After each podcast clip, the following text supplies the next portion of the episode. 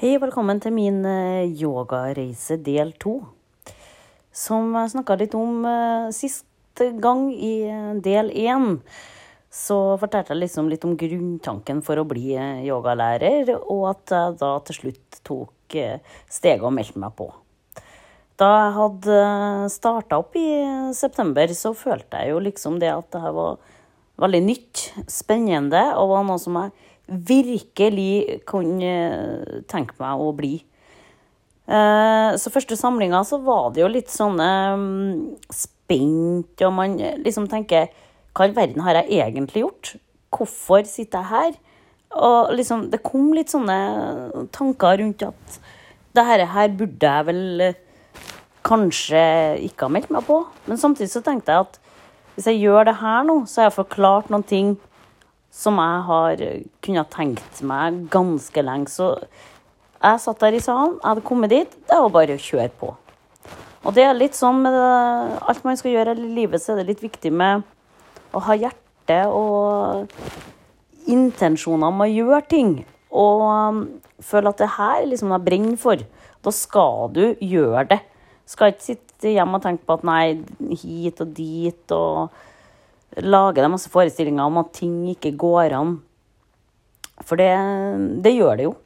Det er bare å kaste seg ut i det og bli liksom en del av det du egentlig ønsker å gjøre. Så jeg kom jo dit, da, og øh, vi hadde jo en veldig fin første samling. Og da følte jeg at jeg liksom kom inn i gruppa. Så jo ganske tidlig at en yogalærer må ikke kan alle yogastillingene. Man må ikke være supersterk, superflink. Eh, man må ikke være superslank. Må, altså alle de rare forestillingene som kanskje har når man ser rundt i det mediale bildet som fremstilles uh, av yoga i uh, visse forum, så får man jo et inntrykk av at man må være på den stigen. Og det er jo ikke jeg. Er en helt vanlig middels kvinne som føler liksom det at jeg kan være god nok til å gjøre det jeg har lyst til å drive med. Så den var jo en indre drive at jeg skal søren meg vise altså, at jeg klarer. Så um, første tida var jo litt hard med at vi skulle på praksis veldig tidlig om morgenen. Og vi kom dit halv ni og hadde praksis uh, halv ni om morgenen, og da var det litt sånn ah, Jeg er jo tidlig oppe om morgenen, så for meg som regel så er jeg jo i aktivitet også før halv ni. Men ikke sånn yogamessig. Og da lærte jeg meg litt det der med å stå opp og faktisk kan gjøre noen øvelser før liksom dagen begynner. Det var jo godt for kroppen å ha de her øvelsene. Eh, Vi jobba jo veldig mye med teknikk, holdninger. Ikke minst det der med å forstå hva egentlig yoga er, og hva det gjør både for kropp og sjel, men også det mentale bak det. Hva er den mentale reisa? Og den gikk vi jo ganske inn i. Eh, Og det byr jo også på en del utfordringer i forhold til følelser, for jeg følte en veldig motstand på enkelte tema som vi eh, diskuterte i yogaen. Og det var fordi jeg følte meg ikke hjemme. Jeg hørte meg ikke hjem i det som ble sagt. Og så jeg fant veldig eh, tidlig ut at skal jeg gjøre yoga, så må jeg ha min egen konklusjon på ting. Jeg må tilegne meg yogaen og gjøre det til mitt eget. Og bli en yogi i min egen vei. Um, jeg har hørt at veldig mange som snakket om det med vegetarianere og spise Å være vegansk og litt sånn i forhold til yoga. Og, og for all del, det er topp. Og kan være det òg. Men der er ikke jeg. Jeg har tatt jegerprøven. Jeg liker å la mat. Jeg vil også være ute i naturen. Jeg har mange bein å stå på, sånn sett. Og det med mat er veldig viktig for meg, og mat er en del av opplevelsen i livet. Det å sitte ned og kose med et godt måltid og kjenne den følelsen av at du lager det sjøl, og at det er et godt håndverk bak det, det er viktig. Og da syns jeg også det er viktig å bruke naturens ressurser. Selv om mange kan være uenige med meg. Men allerede der så kanskje jeg skilte meg ut ifra en del andre yogalærere som er veldig på den eh, veganske greien, og at man ikke skal eh, være usunn i kroppen. Og, altså det er jo litt sånn eh, forbindelser der. Men jeg føler at jeg har en sunn kropp, og jeg spiser det jeg vil. Og jeg syns også det er viktig å vise at eh, yogalærere kan gjøre det. Så det var en sånn veldig tidlig eh, tanke for meg. At jeg skulle være den personen jeg alltid har vært, selv om jeg blir yogalærer. Men det er klart at er noe av de tingene med forhold til hvordan vi tenker her i livet, endra jo seg litt gjennom uh, utdanninga. Man ble kanskje litt mer tolerant og åpen for ting. Uh, men samtidig så føler jeg det at det er viktig å beholde den derre uh, styrken i hvem du er, og ikke på en måte ta en utdannelse som liksom skal forandre deg helt og totalt, for det tror jeg blir helt feil. For noen kan det også funke, men for meg funka det jo ikke, da. Så jeg føler jo liksom det at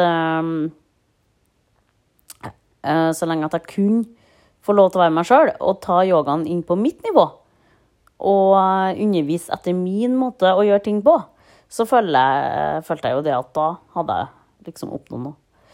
Det var veldig mye selvpraksis i yoga, og det er det. Så det å praktisere yoga mye mer enn én en gang i uka. Det ble jo litt utfordring, for vi fikk et praksisprogram for hver gang. Vi skulle jo lære oss de her teknikkene.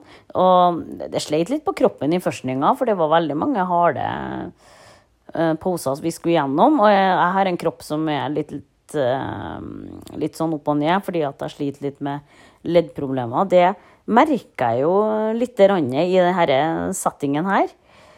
Men etter hvert så blir jo kroppen også vant til å få den daglige trimmen. Du blir mer stretcha, mer sterkere i kroppen.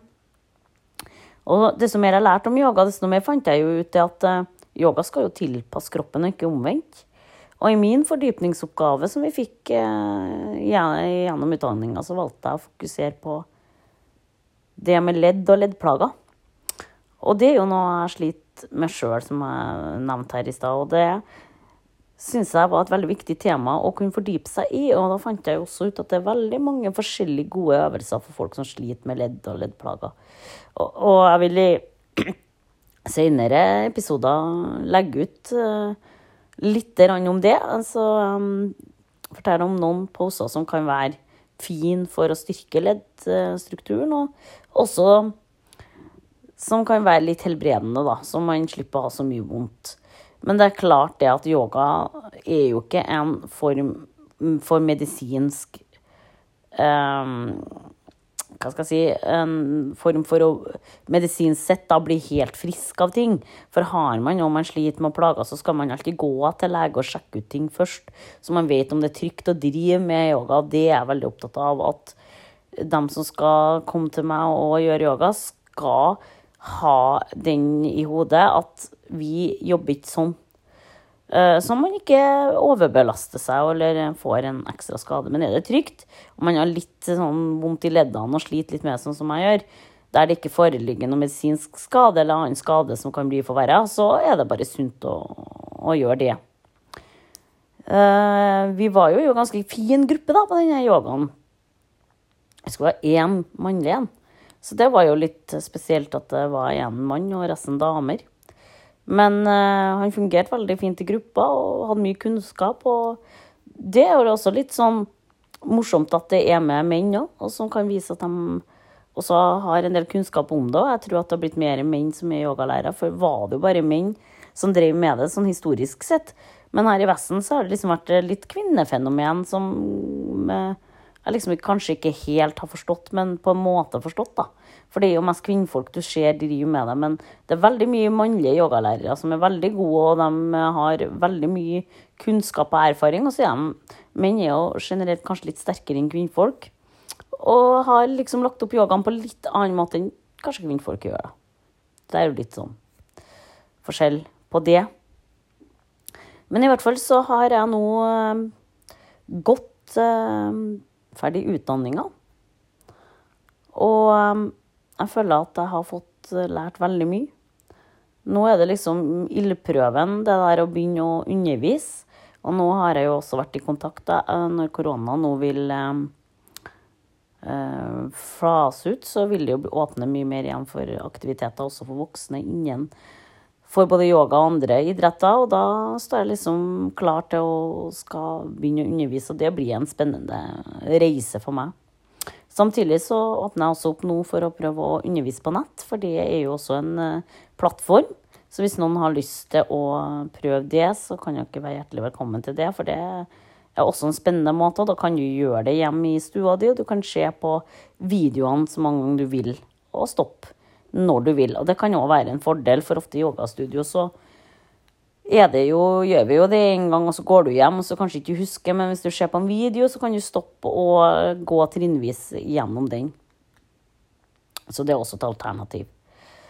Eh, ellers så vil jeg jo si det at eh, jeg føler at eh, jeg har klart den barrieren og gjør noe som jeg aldri trodde jeg skulle gjøre. Og det er en følelse jeg har av stolthet, og det å bare bevise at det vi kanskje er litt usikre på, kan faktisk være en ting som er rett for deg å gjøre. og At du opplever noe helt annet enn det du tenkte. Så litt mitt budskap med å fortelle litt om denne yogareisa mi, og også det der å åpne opp for at andre skal ha muligheten til å tørre å gjøre noe. Og bare kaste seg uti det. Og være liksom bare litt sånn uh, frampå, ja, ikke være så bakpå. Og bare kjøre på og si at herre vil jeg, herre klarer jeg, herre kan jeg.